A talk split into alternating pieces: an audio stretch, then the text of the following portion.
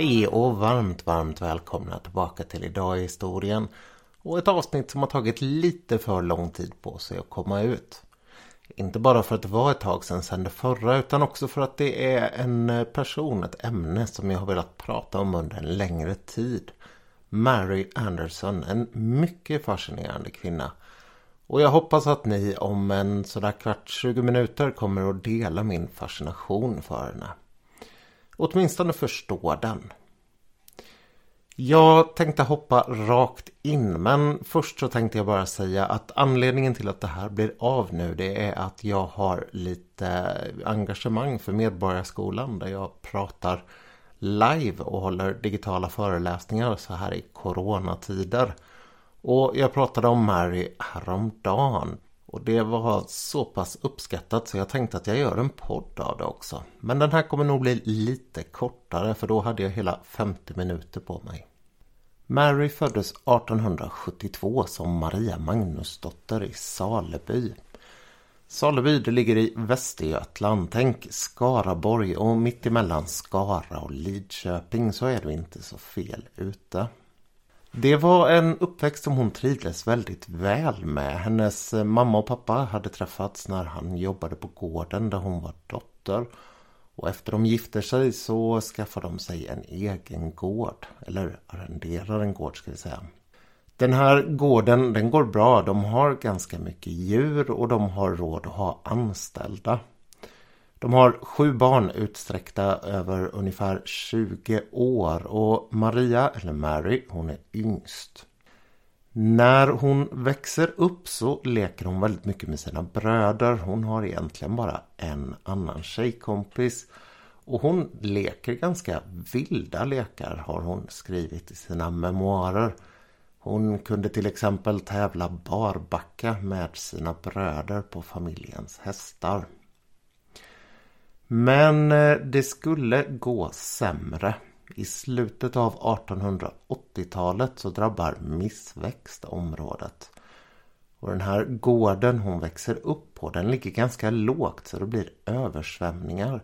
Och pappan han har inte råd att betala. I och med att den här gården ägs av kronan så far han till Stockholm ihop med några andra i samma situation för att förhandla med kungen ifall man kan få en sänkt avgift. Det får de inte utan istället så kommer han att förlora gården. För Mary som var blyg men en väldigt duktig elev i skolan så blir det här ett rejält uppbrott. Hon har aldrig gillat hushållsarbete och hon förstår att den egentligen enda vägen som är öppen för henne i Sverige nu det är att börja jobba just som någon form av hushållsarbetare. Medan hon funderar på vad hon ska göra så hör hennes syster Anna av sig från USA. Hon har utvandrat två år tidigare och hon säger att det är nog dags för er att komma över nu. Och er, det är Mary och hennes syster Hilda. Så blir det. Bröderna, tre av de sju barnen, de stannar kvar i Sverige, liksom en av systrarna. Mary och Hilda de åker över till Anna och det gör de 1888 när Mary är 16 år gammal. Modern, hon är betydligt mycket mer för det här än vad fadern är. Hon säger att kvinnor, de ska göra det de vill göra och Mary kommer senare att säga att hon tänker att hon var nog lite av en feminist och att hon kanske har ärvt en hel del av det där. Man lånar ihop pengar för att kunna köpa kläder på krita och sen ska man betala tillbaka det där med det man senare tjänar i USA. Resan den börjar med tåg ner till Göteborg och därifrån så åker man båt till Hull på Storbritanniens östkust. Det här är en eh, ganska rudimentär båt. Eh, säger man så? Ja, ni förstår vad jag menar. Hon får ha med sig en egen madrass och sådär på den resan.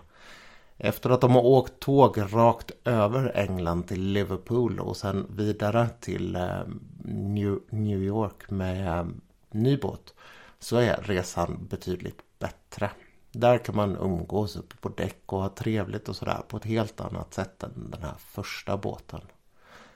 Målet är dock Grand Rapids i Michigan Och när hon kommer dit så börjar hon direkt jobba med, just det, hushållsarbete.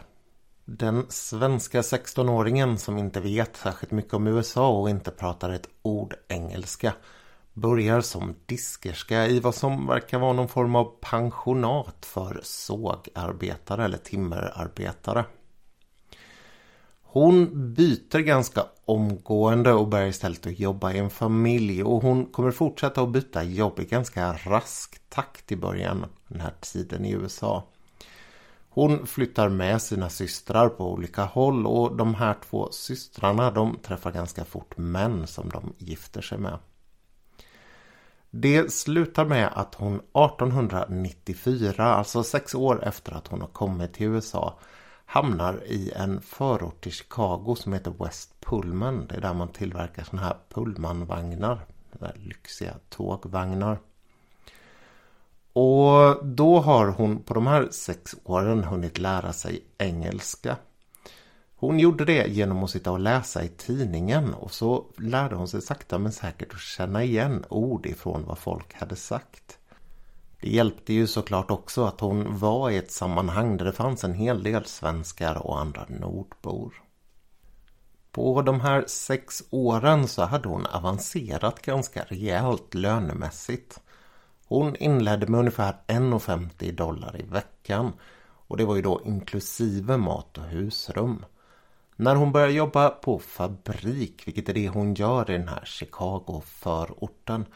Jag kan passa på att sticka in här och säga att hon har flyttat dit återigen på grund av en syster. Den här systerns man, han är snickare och vill ha jobb på de olika sakerna som byggs inför världsutställningen där.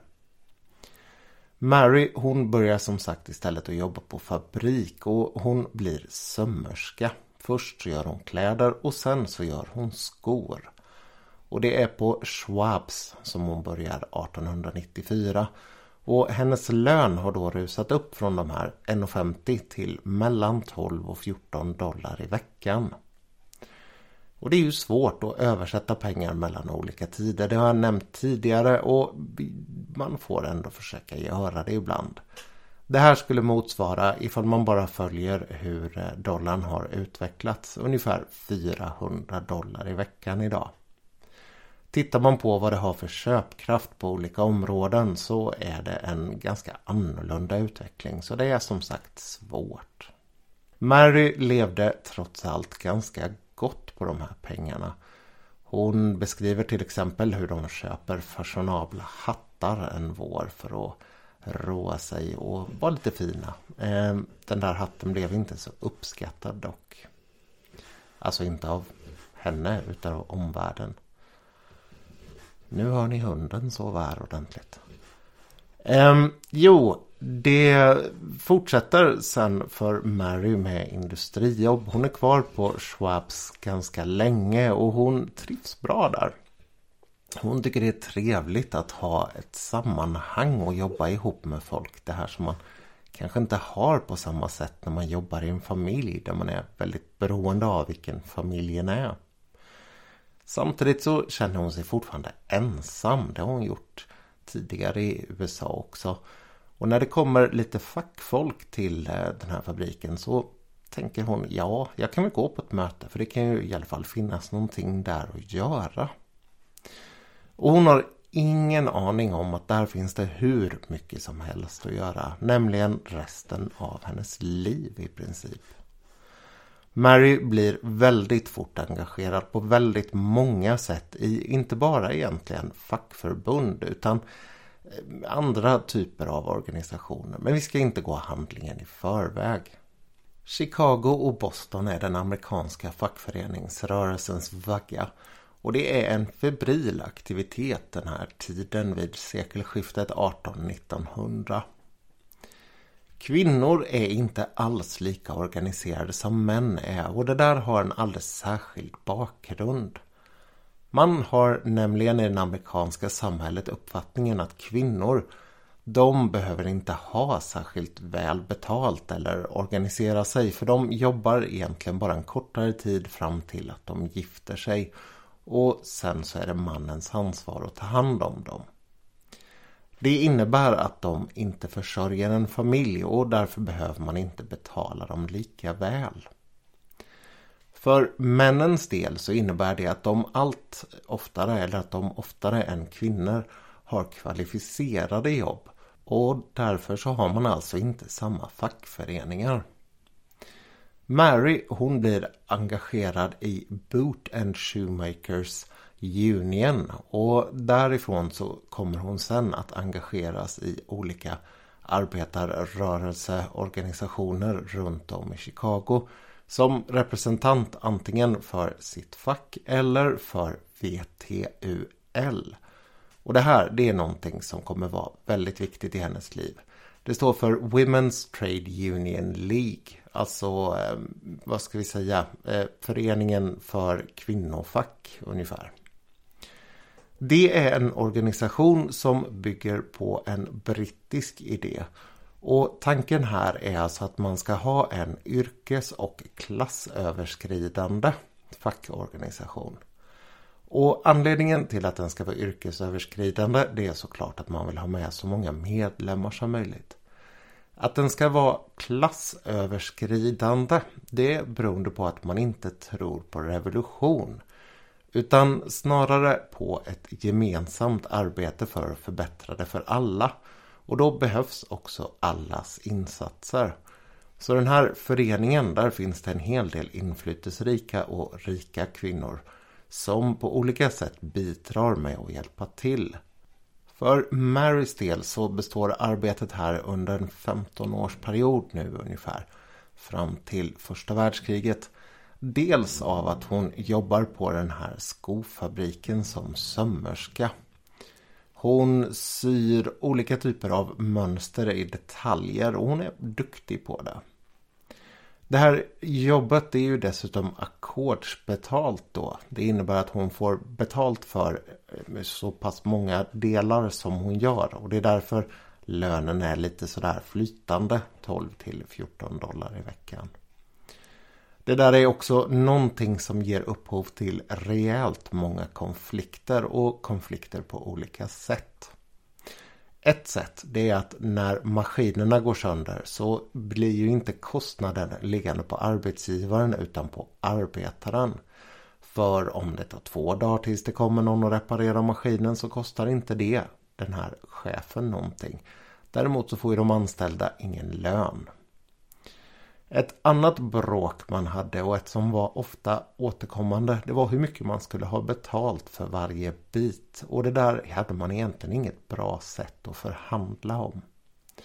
Och på tal om det så kommer man till det tredje bekymret. Och det är att de här bitarna de byter utseende när modet ändras. Och mode vid den här tiden det går ju kanske inte lika fort som idag men betydligt fortare än vad det gjort tidigare i historien för rejält många mer människor. Att köpa saker, att konsumera, det har ju blivit stort även bland arbetare i början av 1900-talet i USA. För arbetarna på den här fabriken, Schwabs, så innebär det att varje gång som modet ändrar sig så måste de lära sig att sy eller klippa eller skära en ny sån här bit och det gör ju såklart att produktionstakten går ner och därmed också deras lön. Det som då kunde ske det var ju en vild strejk. Olika typer av konflikter ledde ofta till vilda strejker. Och Mary var ganska avvokt inställd till strejker. Hon menade att man bara skulle strejka i absolut sista hand. Anledningen till det här var att hon hade sett hur mycket det kostade på för de som strejkade att göra det. Det var oftast de som tog mest stryk, inte arbetsgivaren. Strejker ledde också till att de här konflikterna ganska ofta man drog in polis på olika sätt. Ehm, vilket gjorde att man kunde hamna i fängelse eller arrest, jail som det heter i USA. Och det var bland annat då som de här rika kvinnorna kunde komma in. De kunde betala borgen eller dra i trådar för att få folk släppta ut, alltså påtryckningar.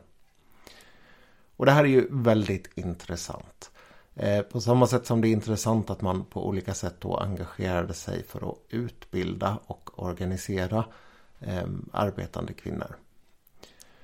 För Marys del så stod den här delen av livet för en enormt stor tid. Hon arbetade 10 timmars dagar och sen hela kvällarna och helgerna så engagerade hon sig fackligt.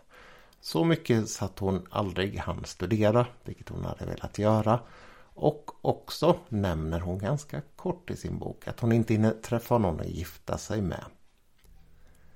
I gengäld så träffar hon en hel del personer här som blir väldigt viktiga för henne. En av dem är en kvinna som heter Margaret Dreyer Robbins och som är just en sån här collegeutbildad, ganska förnäm kvinna gift med en advokat. Men som är väldigt engagerad för fattiga och arbetare. Den här Dryer Robbins, hon har enligt Mary, hon är alltså ordförande då för VTUL, den här eh, Women's Trade League Union i Chicago. Och hon har enligt Mary en alldeles enastående förmåga att välja rätt människa till att göra ett uppdrag och att också uppmuntra den att göra sitt bästa.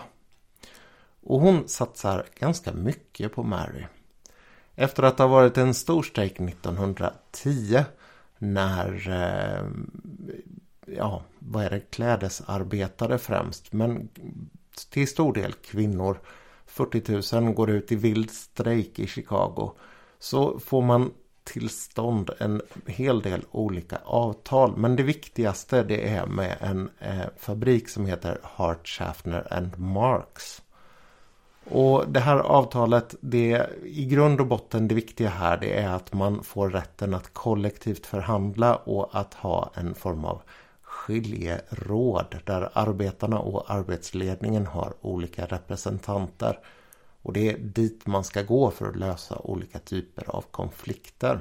För att få det här att fungera bättre och för att få det här att sprida sig i organiseringen så kommer Mary här att sluta arbeta på fabriken och istället bli anställd som organisatör av VTUL.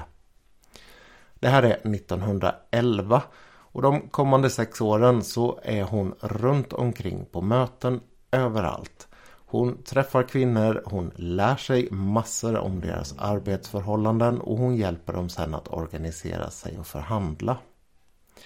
Sen utbryter första världskriget och hon blir kallad till Margaret Dryer Robbins som förklarar att du måste ögon och böj åka till Washington. Därför att kvinnorna som arbetar i krigsindustrin behöver organiseras. Och vi behöver någon som kommer dit och förhandlar. Mary hon åker dit och hon tröttnar ganska fort. Hon känner att det här ger faktiskt ingenting utan som vanligt så har man gjort så att man har sagt att kvinnorna de får vara med och ha lite åsikter men de får inte vara med i det verkliga beslutsfattandet.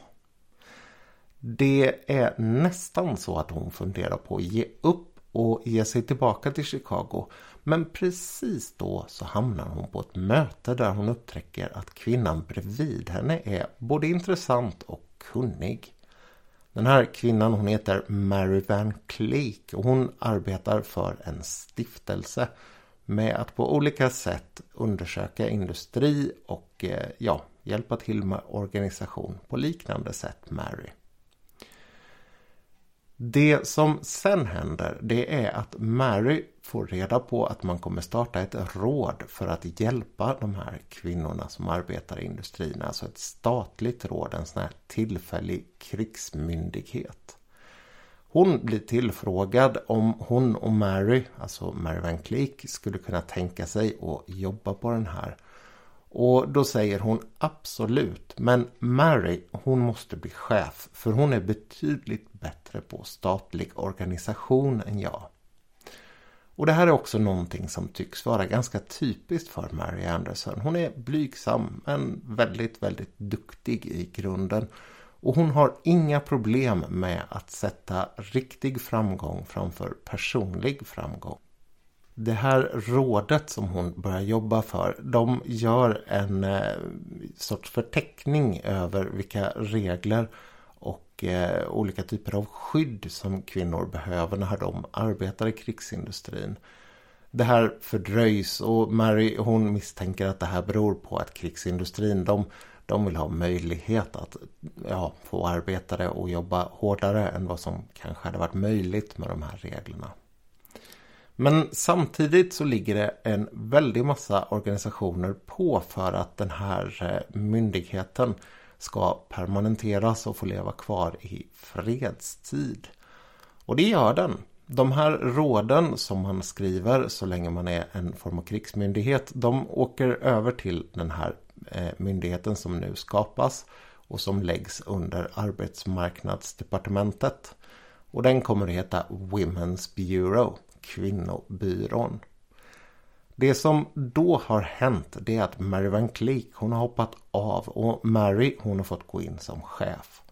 Så när kvinnobyrån öppnas så blir Mary Anderson dess första chef. Och det här är 1920.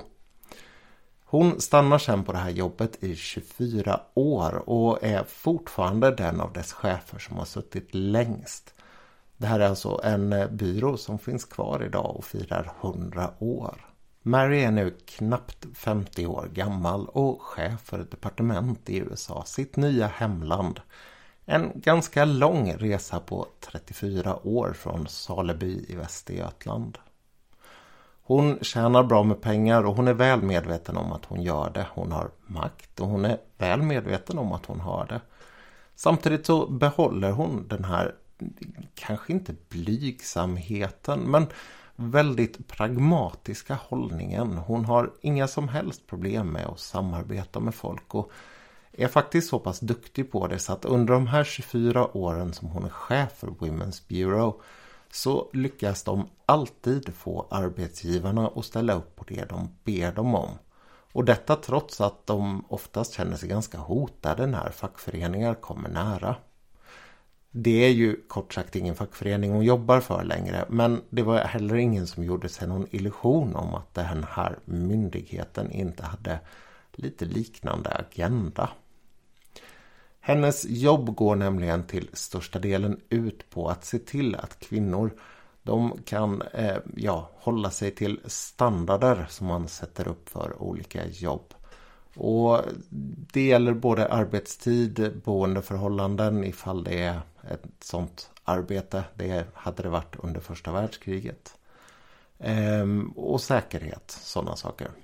För detta så gör man mängder av fältstudier och behandlar massor av statistik. Under hela 10-talet så samarbetar hon med James J. Davis som chef. Han är republikan under de eh, presidenterna som sitter då så blir han kvar hela tiden. Och han är lika gammal som Mary, walesisk invandrare. Och de kommer faktiskt väldigt väl överens. Utanför arbetet så gillar hon att umgås med sin syster Anna. Det är den här äldsta systern, hon som såg till att de utvandrade till USA. Och hon och Mary har bott ihop väldigt länge. Anna är sjuklig och hon kommer gå bort 1934. Men än så länge så lever de båda två i allra högsta grad och när Mary börjar tjäna mer pengar så skaffar hon sig en bil 1919. Den här bilen den åker de på tur i efter jobbet och det är ganska trevligt tycker de att fara runt i parkerna. Från Annas dotter så har de också fått en hund som heter Bobby. En American Eskimo Dog. Och den här hunden den tycks vara alldeles speciell. Det är inte ovanligt till exempel att den går på bakbenen även när den alltså inte uppträder eller vad man ska säga, gör tricks. Utan när de åkte hiss ner till vestibulen i sitt hus så traskade den på bakbenen ut till ytterdörren där. Någonting som min gammaldanska hönsehund Maja aldrig skulle klara av. Hon är å andra sidan väldigt duktig på att ligga och snarka i bakgrunden när jag gör podd. En väl så trevlig eh, egenskap. 1919 så är det även två andra viktiga händelser för Mary. Händelser som har betydligt större betydelse för resten av världen än att hon skaffar en bil.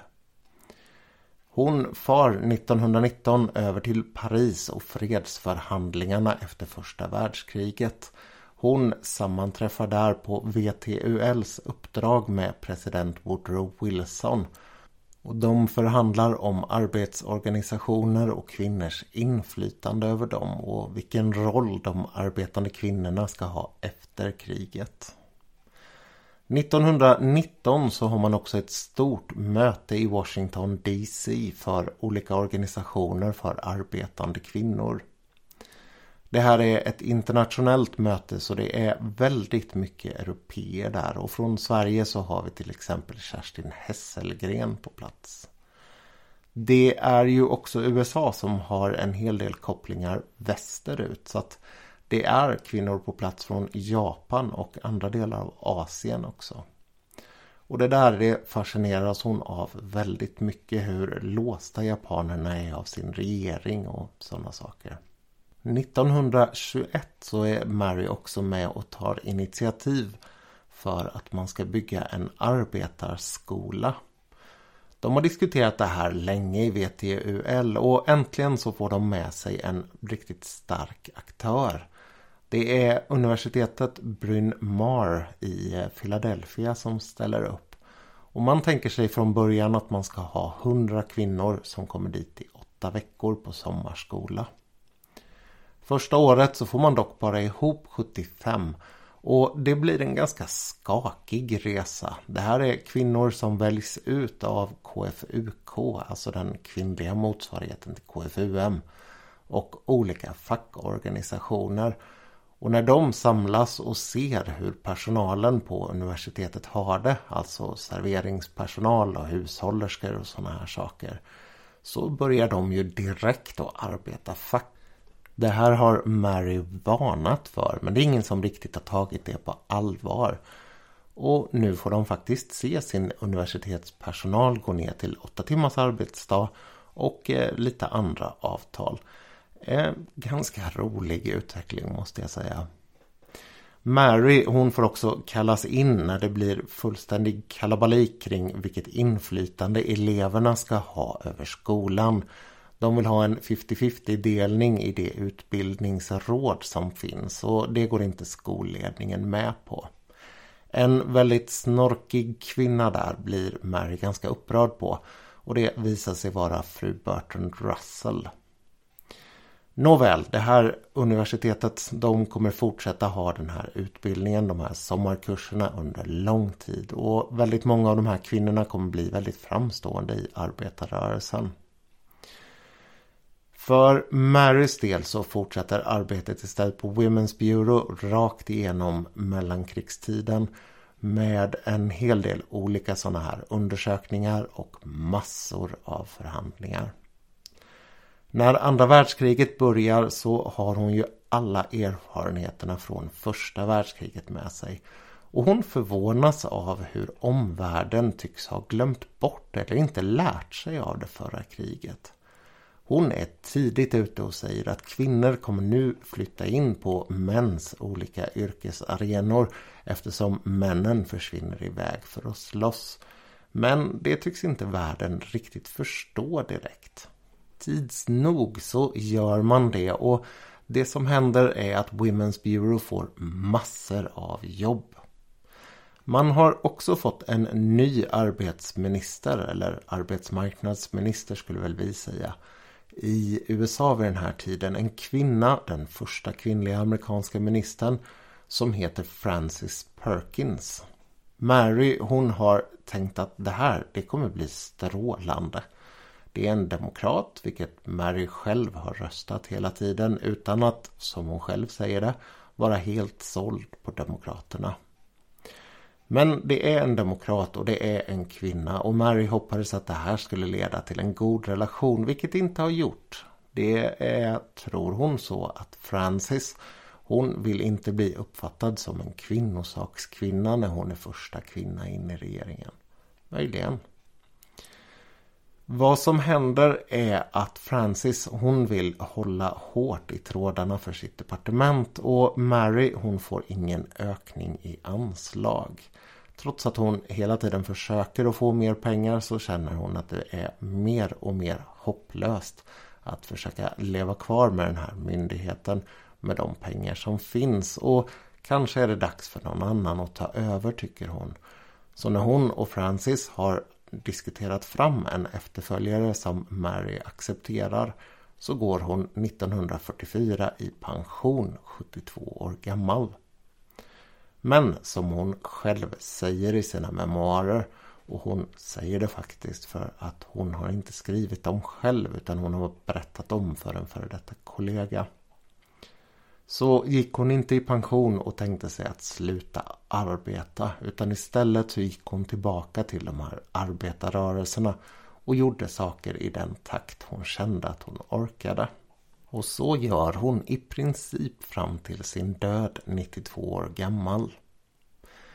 1941 så blir hon hedersdoktor i juridik vid Smith College och hon kommer senare när hon fyller 90 också att få eh, en, eh, ja, ett erkännande från arbetsmarknadsdepartementet.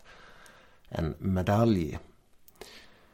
Hon hade trots allt fiender under sin livstid. Eh, relationen här till Frances Perkins verkar ju ha varit ganska knackig.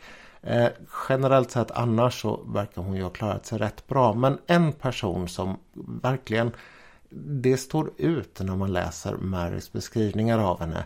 Det är Alice Paul. Och det här det är kanske den mest för min del fascinerande delen av Marys liv. Alice Paul är en veteran i kampen för kvinnorätt i USA. Det är hon som leder de här Silent Sentinels som står och demonstrerar utanför Vita huset och som till slut blir inslängda på tukthus, misshandlade och satt i kalla rum med svältdiet och hungerstrejkar och har sig. Ehm, så Alice Paul är en gigant vid den tiden när hennes och Marys vägar för första gången ordentligt korsas 1923. Då har amerikanska kvinnor fått rösträtt och den nya frågan för Alice Paul det blir Equal Rights Amendment. Alltså ett tillägg till eh, konstitutionen där män och kvinnor, alla medborgare, ska ha en och samma uppsättning rättigheter. Man ska inte få ha någon form av särlagstiftning för det ena eller det andra könet oavsett orsak. Det är från början lite sådär trevande de två emellan men sen går det direkt på kollisionskurs när Mary inser att allting hon jobbar för det kommer gå åt pipan med den här lagstiftningen. Därför att hennes yrkesliv har ju till väldigt stor del gått ut på att få olika typer av undantag för kvinnor på arbetsplatser. Och den här striden den kommer pågå länge. Den pågår på sitt sätt fortfarande därför att man kämpar fortfarande för att få den här ERA-lagstiftningen som det kallas ratificerad runt om i tillräckligt många delstater i USA. Och det är någonting som blossar upp med jämna mellanrum och blir till stora strider. Netflix har bland annat gjort tv-serie av Phyllis Schalflys kamp mot ERA ganska nyss. Eh, jag tror att det är Kate Winslet som spelar huvudrollen i den där, men jag ska inte svära på det. Eh, den som är intresserad kan titta på det i varje fall. För Marys del så pågår den här kampen fram till 50-talet ungefär. Det första hon gör efter att hon går i pension det är att åka ut och tala mot ERA. Hon slåss på olika sätt i USA mot Alice Paul på konferenser och saker. Och de slåss även internationellt eftersom båda två hela tiden försöker få in sin uppfattning om hur kvinnor ska ha det eller hur relationen könen emellan ska vara eh, i olika typer av internationella organisationer. Och vid den här tiden så finns ju först Nationernas förbund och sen så skapas ju FN. Och en hel del andra organisationer av vikt. Men nog om det och nog om era. För den som är intresserad så finns det en hel del att läsa om det där. Och det är svårt att säga faktiskt vilken sida som vann. Det har ännu inte blivit lagstiftning, eh, federal lagstiftning av ERA, även om det då har ratificerats i en hel del delstater. Ett annat sånt här problem som Mary hade under sitt yrkesliv det var att hon med jämna mellanrum blev anklagad för att vara kommunist eller antiamerikan eller subversiv på något annat sätt. Hon anmäldes till någonting som kallades för Dice Committee och som väl egentligen kan sägas vara en föregångare till hela McCarthy-eran. Ehm, det är den här HUAC ehm, när då kongressen på olika sätt utreder ifall det finns kommunister i förvaltning och partier och sådär. Ehm, det, en av motståndarna hon har då är faktiskt Daughters of the American Revolution. En ganska intressant organisation också för den som känner till den. Det är alltså en ja, konservativ organisation för kvinnor som har påbrå från soldater som slogs i den amerikanska revolutionen. Ehm, eh, väldigt ja, konservativ. De var sena att släppa in svarta och sådär. Och på tal om det så slogs Mary faktiskt också en hel del för svartas möjligheter. Hon hade en eh, väldigt färgblind inställning. En arbetare var en arbetare och de skulle ha sina rättigheter. Hon gick på pumpen i en av de där frågorna och det var när det gällde hushållsarbete. Mary var god vän med Eleanor Roosevelt och eh, Eleanor hon gav sitt stöd till Mary när hon ville undersöka hushållsarbetarnas situation. Det ledde till bekymmer i södern och Washington det ligger ju där precis på gränsen mellan nord och syd i USA. Ehm, den som fick ta smällen när man förhandlade om att få anslag för det här var Frances Perkins. Och hon lär ha sagt till Mary att ta aldrig upp den här frågan igen. Så pass känsligt var det när det snurrade runt ute i kommittéerna. Nu har jag suttit här i snart 40 minuter när jag pratade i början om att det skulle vara 15 till 20. Men så går det när man blir engagerad i någonting och jag hoppas att engagemanget har lyst igenom. För det är fascinerande med en person som har levt och arbetat på det här sättet utifrån just engagemang. Är inte det bland det häftigaste människor kan ha? Mary hon är, om ni ursäktar att jag använder en kanske lite känslig term i den här tiden men på absolut minst rasistiska vis. Mary är väldigt svensk. Hon är pragmatisk, hon är helt och hållet inriktad på att lösa problem långsamt och eh, i samförstånd och stegvis komma till framgång för alla. Eh, och det är ganska, tycker jag, fascinerande att hon lyckas så väl i den amerikanska förvaltningen under en tid när den expanderar så enormt som den gör här. Samtidigt så expanderar ju också kvinnornas plats på arbetsmarknaden och det är otroligt faktiskt att det är en svensk kvinna som spelar en sån här absolut topp och nyckelroll i det hela och samtidigt är nästan helt okänd i Sverige. Jag är väldigt fascinerad av Mary Anderson och hennes öde. Jag är väldigt fascinerad av hennes insats. Och även om vi kanske inte alltid har samma uppfattningar om saker och ting så tycker jag att det är ganska roligt när man läser hennes memoarer att man så tydligt ser att hon har någonstans det här som jag alldeles nyss kallade svenskt med sig. Samtidigt så ska man inte underskatta att hon skiljer sig från den svenska arbetarrörelsen. Vid den här tiden så håller ju makarna Myrdal på med sådana här tankar om kollektivhus och dagis där barnen kan uppfostras som Mary inte riktigt håller med om. Mary är inte heller särskilt eh, inköpt i idén om egna hem och sånt där. Hon ser hellre att arbetare hyr så att man kan röra sig fort ifall man antingen får problem med en arbetsgivare eller hittar ett bättre jobb någon annanstans. Lite typiskt för sin tid i USA. så är hon också väldigt sådär det är helt okej okay att ha hemmafru om man vill. En tanke som håller på att gå ur tiden i Sverige på 40-talet. Och med det så får jag väl säga att hon gick ur tiden själv 1964. Det var en stroke i hemmet som tog hennes liv och hon var som sagt 92 år gammal. En eh, kruttant in i slutet verkar det som. Och hon är en av få svenskar som har fått en nekrolog i New York Times. Det är en ganska stor hedersbetygelse. Hon lär också förresten ha uppvaktats på sin 90-årsdag av både John F Kennedy och Tage Erlander. Och 1935 när hon då var alltså kanske på toppen av sin karriär. Eller möjligen att hon var det under andra världskriget när hon drar upp riktlinjerna för alla de här kvinnorna som ska ut i krigsindustrin.